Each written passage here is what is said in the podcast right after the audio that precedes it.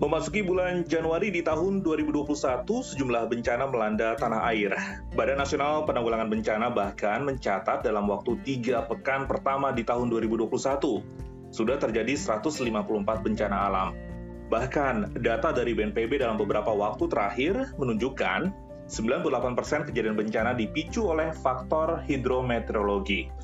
Sementara itu, Badan Meteorologi, Klimatologi, dan Geofisika atau BMKG terus memper memperbaharui data dan perkembangan terkini soal peringatan dini cuaca. Sehingga dari dua institusi tersebut sejatinya masyarakat yang tinggal di daerah rawan bencana harus memahami dan mengetahui tentang mitigasi dan tindakan yang dilakukan sebelum dan saat terjadinya bencana. Dari mana masyarakat tahu jika tempat tinggalnya merupakan rawan bencana? BMKG secara berkala seperti yang saya sampaikan tadi kerap memperbaharui informasi cuaca bahkan peringatan dini cuaca ekstrim pun rutin diberikan kepada masyarakat. Dalam memberikan informasi ini, BMKG tentu menggunakan teknologi pemantauan cuaca dan iklim agar dapat memberikan hasil pemantauan iklim dan cuaca yang akurat. Nah, teknologi ini menjadi sebuah sistem observasi yang ada di lapangan dan tentu saja diperkuat dengan dukungan sistem informasi yang uh, cukup mumpuni. Karena itu penting memahami ataupun membaca peringatan dini cuaca ini dari BMKG dan menyikapinya sebagai bagian dari awal mitigasi bencana. Inilah episode ke-12 kita di Top Disaster, baca data, cegah petaka, jangan sampai data mengalir sampai jauh. Dan untuk membahasnya, saya sudah bersama dengan Deputi Bidang Meteorologi, Bapak Guswanto. Apa kabar, Pak? Baik, Alhamdulillah sehat, uh, Mas Trihadi. Ya, terima kasih Pak Guswanto telah bergabung bersama Top Disaster untuk episode ke-12 kita. Dan uh, terima kasih telah meluangkan waktunya, Pak. Ya, sama-sama. Terima kasih kembali. Oke, Pak Guswanto, kita kerap sekali uh, ya dari awal tahun kita selalu mendengar terkait dengan bencana hidrometeorologi dan hidrometeorologi tadi BNPB menyebut sudah 154 bencana dari awal Januari sampai dengan uh, minggu ketiga uh, Januari. Nah, sebenarnya peran BMKG setelah data cuaca dirilis tuh uh, pernah ada selanjutnya tuh apa sih sebenarnya Pak? Jadi mungkin saya luruskan sedikit ya. Boleh. Jadi kalau kita di BMKG itu ada dua, mm -hmm. data dan informasi. Oke. Okay. Ya, data dan informasi. Nah, kalau data itu adalah hasil dari alat nanti kita uh, kumpulkan berupa angka dan apa pun uh, kualitatif kuantitatif ya. Mm-hmm. Nanti kemudian diolah, dilakukan processing. Mm-hmm. Dilakukan processing, diolah, diproses dengan metode-metode ilmiah. Kemudian baru kita diseminasikan menjadi informasi tadi diolah jadi informasi. Mm-hmm. Kemudian kita diseminasikan kepada masyarakat. Nah, tentunya setelah data tadi, angka ataupun informasi yang sudah diolah itu dirilis oleh BMKG, mm-hmm. BMKG tetap uh, melakukan pemantauan dan monitoring uh, penyebarluasan informasi ini, termasuk juga peringatan dini cuaca yang terbaru, ya yeah. juga dirilis kepada masyarakat, stakeholder-stakeholder terkait, terutama untuk penanganan bencana.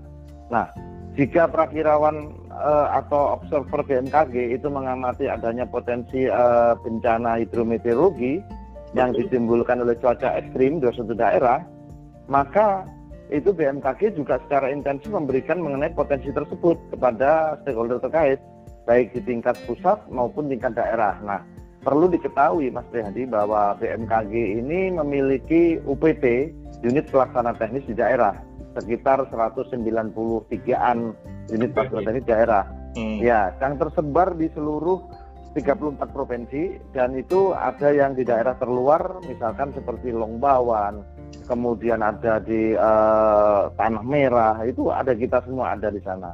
Ya termasuk di Kepulauan Anambas juga kita ada. Jadi mereka ini juga langsung bekerja kepada masyarakat melalui sinergi pentahelik kita melalui media massa. Jadi kalau nanti ingin bekerja sama misalkan Jawa Timur. Mhm. Jawa Timur ini ada 10 ada 10 UPT kita di Jawa Timur. Ya, di Juanda ada satu, di Stasiun Perak eh, Tanjung Perak juga ada satu dan beberapa di Banyuwangi. Intinya di setiap bandara kita juga ada. Jadi kita bisa bekerja sama dengan masyarakat untuk menyebarluaskan itu. Demikian. Jadi tidak hanya setelah rilis itu masih ada pekerjaan untuk memonitoring bagaimana rilis itu ditanggapi oleh masyarakat terus kalau tidak terkadang kita jemput bola, kita informasikan ke Babinsa, kemudian kita masuk kepada uh, beberapa struktur-struktur uh, kemasyarakatan, misalkan tokoh masyarakat dan lain sebagainya. Seperti itu. Tapi kalau di BMKG juga harus melakukan tugas monitoring, uh, memantau apakah data dan informasi itu diterima oleh uh, pembuat kebijakan di tiap-tiap daerah. Apakah itu tidak cukup melelahkan atau pemborosan, Pak?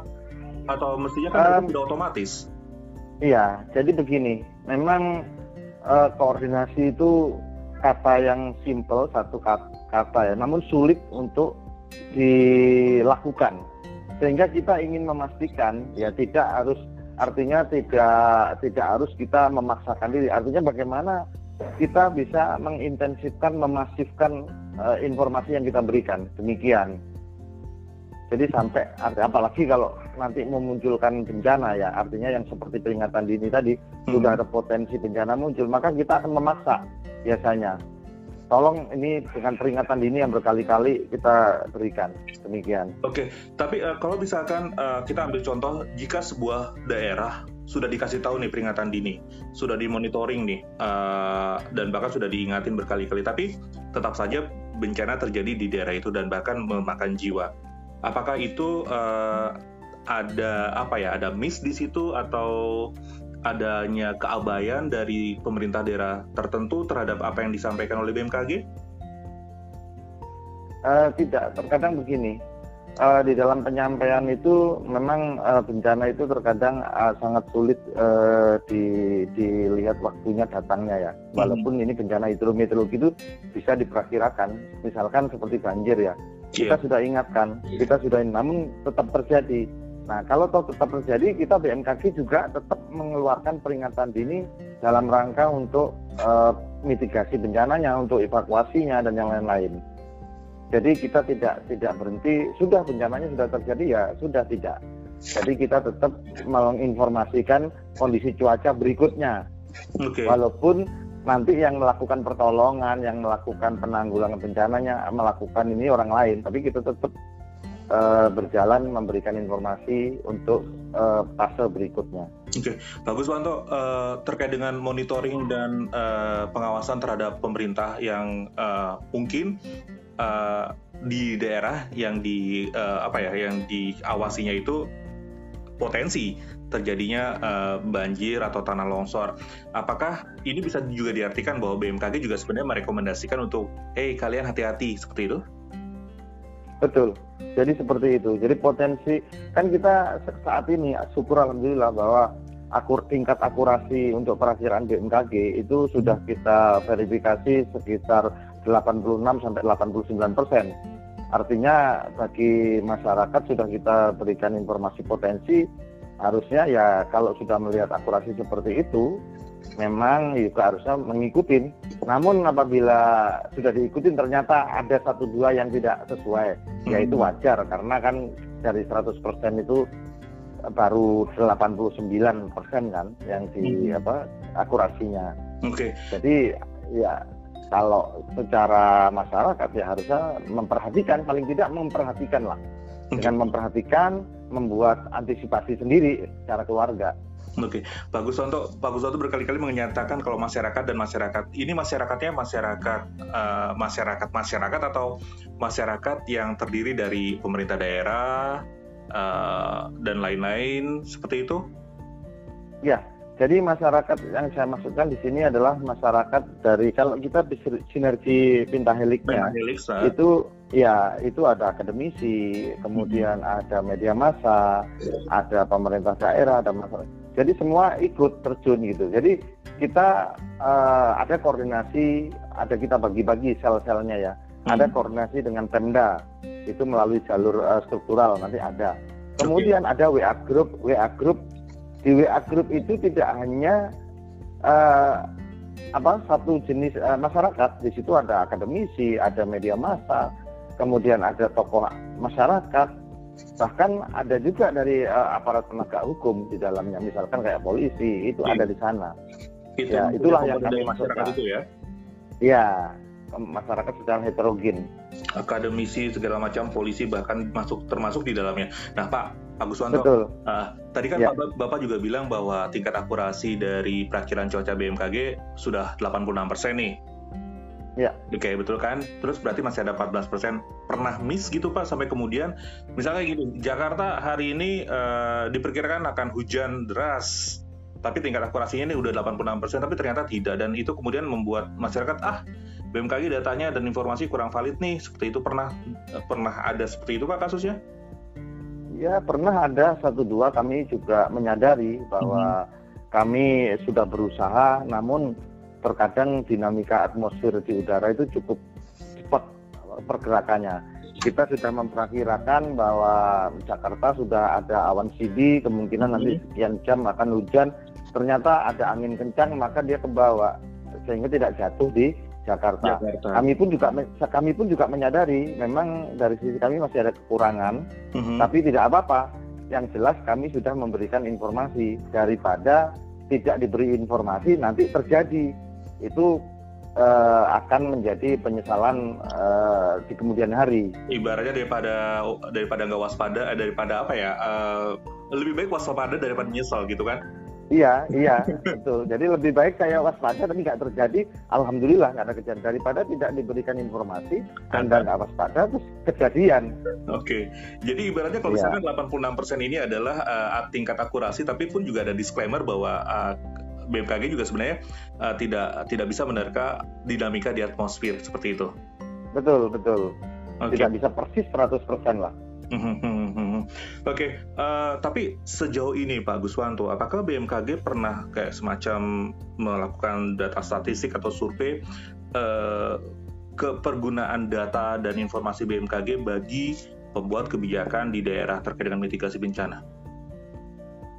Uh, kami belum melakukan survei, ada namanya, hmm. tapi sayangnya tidak tidak satu jenis ya. Hmm. Jadi kami itu setiap tahun ada namanya survei indeks kepuasan masyarakat IKM. Semacam itu Sama, ya? Indeks iya, semacam itu kepuasan masyarakat. Uh -huh. Nah, itu kita wajibkan seluruh UPT kita 190 melakukan itu. Hmm. Kemudian di pusat juga melakukan. Nah, dari situ indeks yang eh, muncul rata-rata itu kalau dari skala eh, 1 sampai 4 itu rata-rata posisi di 3,65 sampai 3,8 yang untuk indeks kepuasan masyarakat. Artinya bahwa uh, seluruh uh, stakeholder yang kita itu menggunakan itu. Kemudian untuk kebutuhan itu sendiri, data itu untuk siapa saja, untuk Pemda dan untuk kebijakan ya. Mm-hmm. Memang digunakan contoh uh, beberapa pembangunan uh, gedung. Contoh yang kita praktekkan kemarin pada waktu Mamuju kita kan membangun gedung di sana ya. Kebetulan kita menggunakan uh, pembangunan secara building code, kita gunakan tahan gempa. Insya, Alhamdulillah kemarin pada waktu gempa itu kita tidak tidak masalah gedung kita di mm-hmm. Mamuju itu salah satu contoh. Kemudian ada juga kita kerjasama dengan uh, eh, ATR tata ruang, jadi kita digunakan untuk mereka. Kemudian ada juga data-data cuaca ini digunakan juga untuk uh, melaut, ya, untuk mm-hmm. data tinggi gelombang. Itu juga dipakai. Yang disita lagi adalah data-data untuk transportasi udara.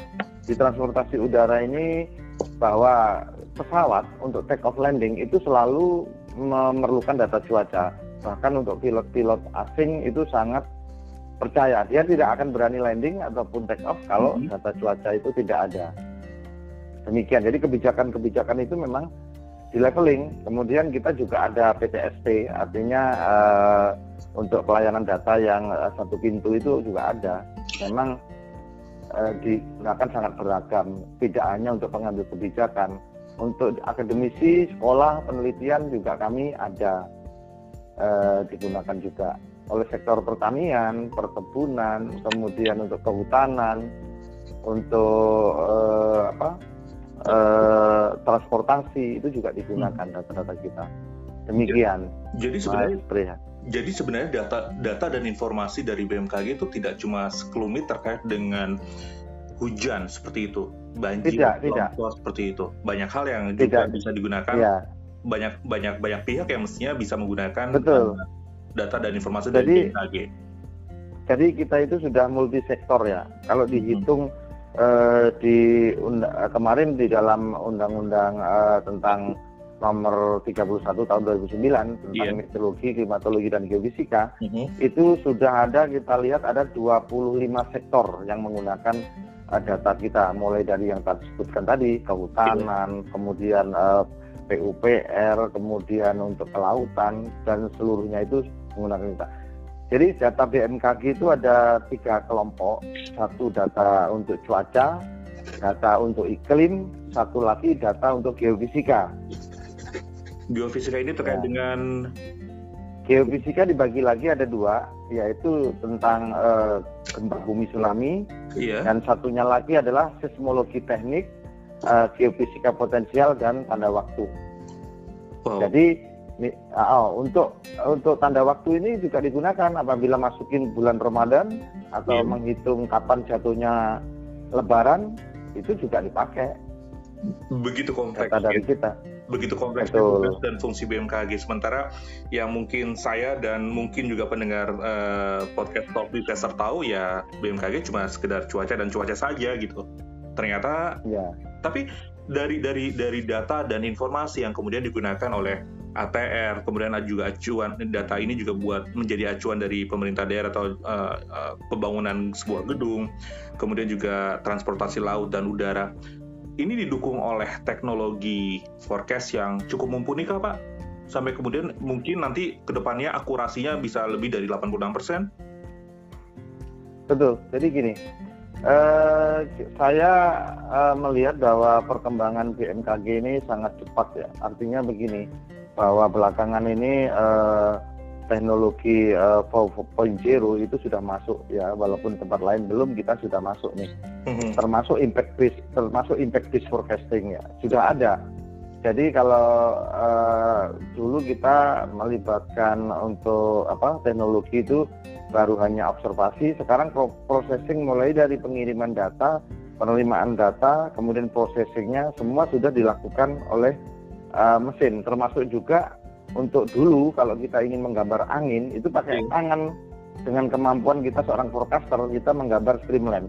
Kalau hmm. sekarang sudah dikomputasi ya. Kemudian dalam rangka untuk mengolah datanya yang dulu kita hanya berdasarkan insting, sekarang ini sudah tidak. Sekarang sudah pakai menggunakan ensemble dan menggunakan model-model uh, perakiraan cuaca di tingkat uh, internasional ya. Termasuk juga untuk perakiraan iklim, termasuk hmm. juga untuk gempa gempa bumi dan tsunami juga begitu begitu uh, terdengar data mm-hmm. ada kejadian gempa dari pusat sudah langsung mendapatkan itu dihitung dalam waktu kurang dari dua menit itu sudah ada hasil ketemu besar gempanya berapa lokasinya di mana dan kedalamannya berapa mm-hmm. nah demikian untuk cuaca juga sama untuk no casting yeah. perakiraan cuaca untuk tiga jam ke depan itu sudah ada kita dapat uh, informasi dari menggunakan citra satelit ya. Termasuk juga menggunakan ya tiga jam. Termasuk juga untuk data radar ya. Data mm -hmm. radar yang yang apa real real time itu juga ada. Jadi semua ini sudah uh, ininya juga sudah masuk semua dari sisi uh, teknologinya ya akurasi. Namun kembali lagi teknologi itu berkembangnya sangat cepat ya. Betul. Manakala kita sudah memasuki uh, 4.0 ini sudah masuk satu lagi 5.0. Nah, BMKG juga lagi berusaha nih memasukkan dampak impact based forecasting. Jadi di situ nanti sudah melibatkan uh, humannya. Oke, okay. kalau, kalau seperti itu. Oke, okay. kalau di uh, terkait dengan geofisika itu kan kalau misalkan Inat, Inatius itu ada kalau misalkan gempa terjadi di mana itu ada modeling yang yang kemudian bisa di analisa ini akan berdampak tsunami atau tidak tsunami. Apakah juga di cuaca forecasting juga seperti itu kalau misalkan ada angin dari mana ini akan menyebabkan hujan atau uh, hujan deras, hujan ringan seperti itu uh, kayak semacam modeling. Iya, sama. Jadi gini, kalau di uh, gempa bumi tsunami itu modeling digunakan untuk menghitung uh, apa ya? namanya uh, tsunami-nya yeah, ya. Yeah. Bukan bukan gempanya. Kalau gempanya dia sudah ada hitungan sendiri berdasarkan titik-titik sensor yang mencatat. Uh-huh. dengan dicatat oleh sekian di, dengan algoritmik, algoritmik juga sudah menentukan lokasinya di sana. Sedangkan modelnya itu digunakan untuk menghitung uh, tsunami-nya. Berapa lama sampai ke pantai, terus kemudian uh, dampaknya sampai di mana, tinggi gelombang yang muncul berapa itu adalah di sana. Nah, untuk meteorologi itu malah lebih uh, dulu menggunakan uh, model itu. Modeling model itu. itu dari ya modeling itu digunakan untuk dalam rangka uh, memprediksi perakiraan cuaca tadi. Jadi misalkan kita hari ini dengan adanya angin dia akan uh, curah hujan yang akan apa jatuh itu berapa milimeter satuannya itu yang sudah kita lakukan. Sampai sedetil itu milimeter hujan iya, yang jatuh. Betul. Wow. Okay. Betul. Oke, okay. dengan dengan dengan kaitannya La Nina terus kemudian uh, efek dari pengaruh iklim lainnya di Indonesia, apakah juga kemudian sudah diketahui nih? Misalkan awal awal Februari uh, curah hujan uh, jumlahnya berapa milimeter, mili itu berapa? Sudah diketahui, Pak? Ya, kita memiliki uh, kita bedakan antara perakiraan uh, klimatologi dan meteorologi. Kalau okay. meteorologi itu, ya, kalau meteorologi itu waktunya adalah tidak lebih dari eh, tujuh hari ya. Kalau lebih dari tujuh hari sudah masuk ke dalam uh, klimatologi. Wow. Artinya gini, hmm. jadi uh, perakiraan musim hujan untuk bulan Januari bulanan itu sudah ada oleh iklim. Nah, terus kalau dari kami itu dari meteorologi itu perakiraan tujuh hari ke depan sudah ada, gitu. Okay. Perakiraan tiga uh, jam kemudian perakiraan eh, enam jam pasti ada, berarti satu harian, kemudian eh, tiga hari bisa sampai tujuh hari. Okay. Ya, karena perlu diketahui untuk meteorologi itu kan sangat dinamis ya, betul, betul. sehingga kalau ter, kalau terlalu lama waktu yang diperkirakan tentunya hasil akurasinya semakin menurun ya. Oke, okay, oke. Okay. Tapi paling tidak yang paling uh, cepat adalah tiga tiga jam. Ya. Paling cepat tiga jam, paling uh, ya. lama itu tujuh hari. Lewat dari itu akurasinya ya. kurang. Nah, ya, lewat dari itu masuk perakiraannya bukan masuk perakiraan cuaca, berarti masuk perakiraan iklim. Iklim. Ya, nanti okay. iklim. Nah, nah nanti di iklim dia juga sudah bisa memperkirakan hmm. bahwa gambaran curah hujan bulan Januari itu mana yang sekian milimeter, mana yang sekian milimeter sampai sekian milimeter itu sudah ada. Baik, Pak Guswanto, begitu banyaknya data dan informasi yang harus disiapkan oleh BMKG dan itu bisa digunakan oleh semua sektor, tidak hanya sektor ya. uh, sipil tapi juga transportasi dan itu menyangkut dengan nyawa. Nggak kewalahan, Pak? Uh, di kami ada di tiga divisi. Kalau dibilang kewalahan memang uh, banyak, tapi ya? Iya manusiawi, tapi tapi kita tetap berusaha. Artinya begini, di BMKG itu ada secara organisasi itu ada uh, lim, uh, lima eselon satu ya pembantu. Artinya lima eselon satu ini pembantu kepala badan. Mm-hmm. Ada ada tiga ada tiga deputi deputi uh, meteorologi, klimatologi dan geofisika, deputi substansi. Nah ada dua eselon satu yang lain yaitu sekretariat utama dan uh, instrumentasi. Nah, instrumentasi dan setama inilah sebagai yang mendukung kita sebagai backbone. Mm -hmm. Jadi yang tadi yang tadi dinyatakan coba dibayangkan kami uh, tentang data tadi ya. Data mm. itu akan masuk setiap hari ya setiap 10 menit. Misalkan dari automatic weather station yang ada kita seluruh Indonesia mm -hmm. setiap hari masuk itu maka kebutuhan teraflopnya berapa, kebutuhan storage-nya berapa itu ada sudah sudah sudah dihitung mm-hmm. gitu. Mm-hmm. Artinya eh, secara dari sisi storage data masih terpenuhi. Jadi kemudian nanti ada metode artinya disimpan, ada yang di archiving, ada yang penyimpanan sementara yang bisa di-download tarik lagi. Baik. Ada yang penyimpanan dalam waktu yang lama seperti itu. Mm. Jaringan komunikasinya pun juga sudah diantisipasi jangan sampai nanti uh, pada saat ada banjir besar bencana hidrometeorologi atau gempa kan digit sama banyaknya orang yang masuk ke web kita yeah. itu juga kita udah kita antisipasi dengan adanya uh, cloud cloud server ya mm-hmm. sudah kita pakai gunakan itu teknologi itu Baik, Pak Guswanto. ya. ya, Pak Guswanto ada 193 UPT di 34 provinsi. Tingkat ya. akurasi datanya hingga sampai saat ini 86% dan diyakini bisa terus bertambah.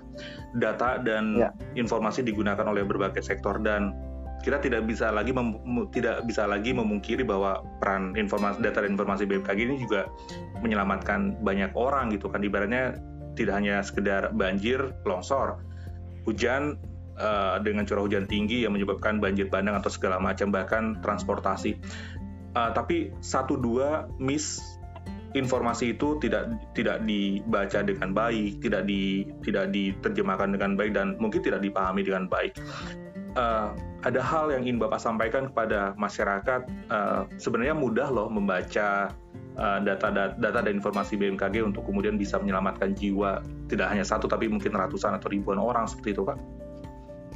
Iya, jadi gini, harapan saya kepada seluruh masyarakat baik itu artinya uh, beragam latar belakang tadi bahwa kita tetap eh, mohon tidak panik ya walaupun ada mm-hmm. berita tentang cuaca ekstrim ini tidak panik nah, artinya tetap waspada terhadap eh, lebih mem, apa ya membangkitkan kesadaran lah hmm. bahwa di kita itu eh, informasi itu sudah diberikan jadi artinya eh, dilakukan tidak selanjutnya apa ya namanya kayak semacam uh, kearifan lokal tapi pada diri sendiri Betul. Kalau di kalau di luar negeri itu begitu diinformasiin dia lihat cuaca, berita cuaca dia hujan, maka dia bawa payung.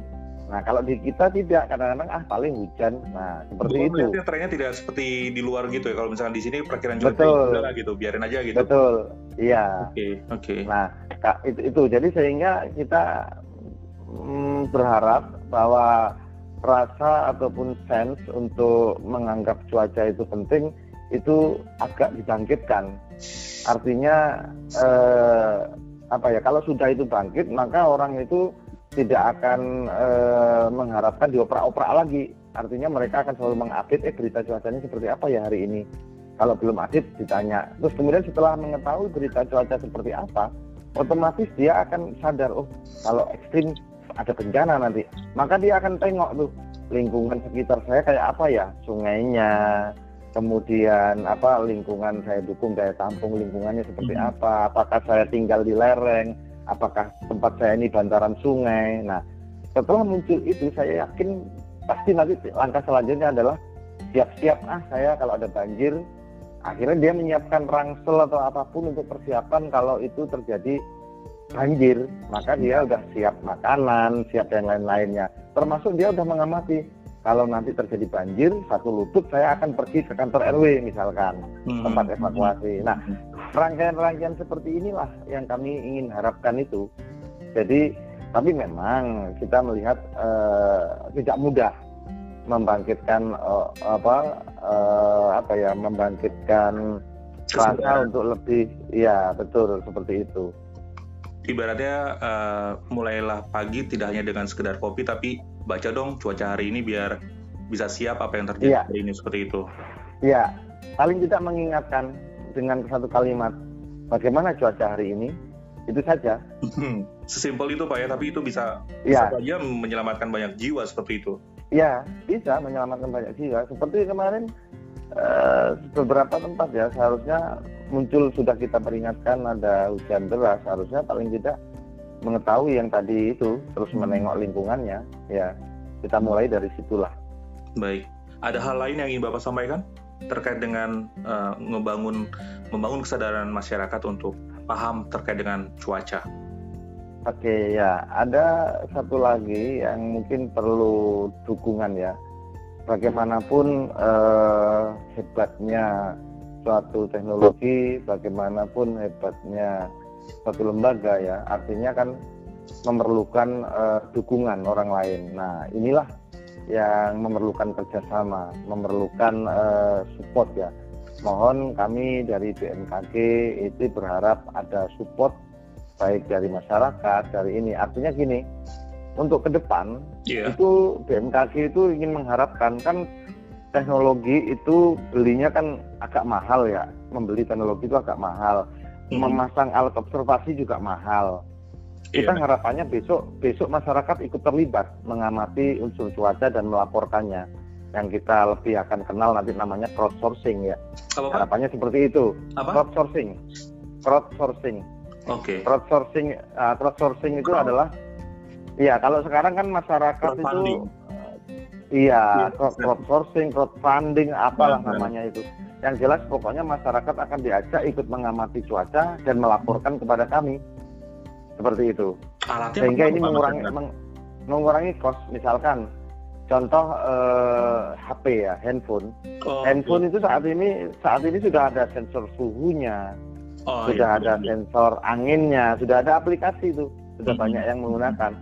Nah, kalau sensor hujan ya tidak lah, karena apa? Kalau dikena hujan pasti habis HP-nya. Jadi sensor-sensor yang lain. Nah, misalkan contoh lagi, barangkali nanti ada sensor untuk gempa bumi tsunami, sensor mm -hmm. getaran. Mm -hmm. Kan uh, mahal ya kita mengadakan alat-alat itu. Banget. Nanti dengan adanya crowdsourcing itu itu mengurangi anggaran. Jadi itulah yang diharapkannya. Dan dengan adanya ikut mengamati, ikut membaca, maka kesimpulan kesadaran diri akan muncul. Oke. Pak Guswanto, Deputi Bidang Meteorologi BMKG, kita sudah berbicara banyak terkait dengan uh, data akurasi, kemudian juga pemanfaatan data informasi BMKG yang tidak melulu terkait dengan uh, antisipasi mitigasi bencana banjir, longsor, dan lain-lain, tapi juga faktor data dan informasi yang juga bisa digunakan di sektor transportasi dan juga pembangunan dan juga Uh, mudah-mudahan tingkat indeks kepuasan masyarakat meningkat dari 3,8 menjadi mungkin pas setengah untuk tahun berikutnya Pak. Amin. Ya, dan, semua dan, dan perakhiran cuacanya tidak hanya tiga jam, mungkin dua jam, biar akurasi datanya juga tidak hanya 86 tapi bisa 90 persen.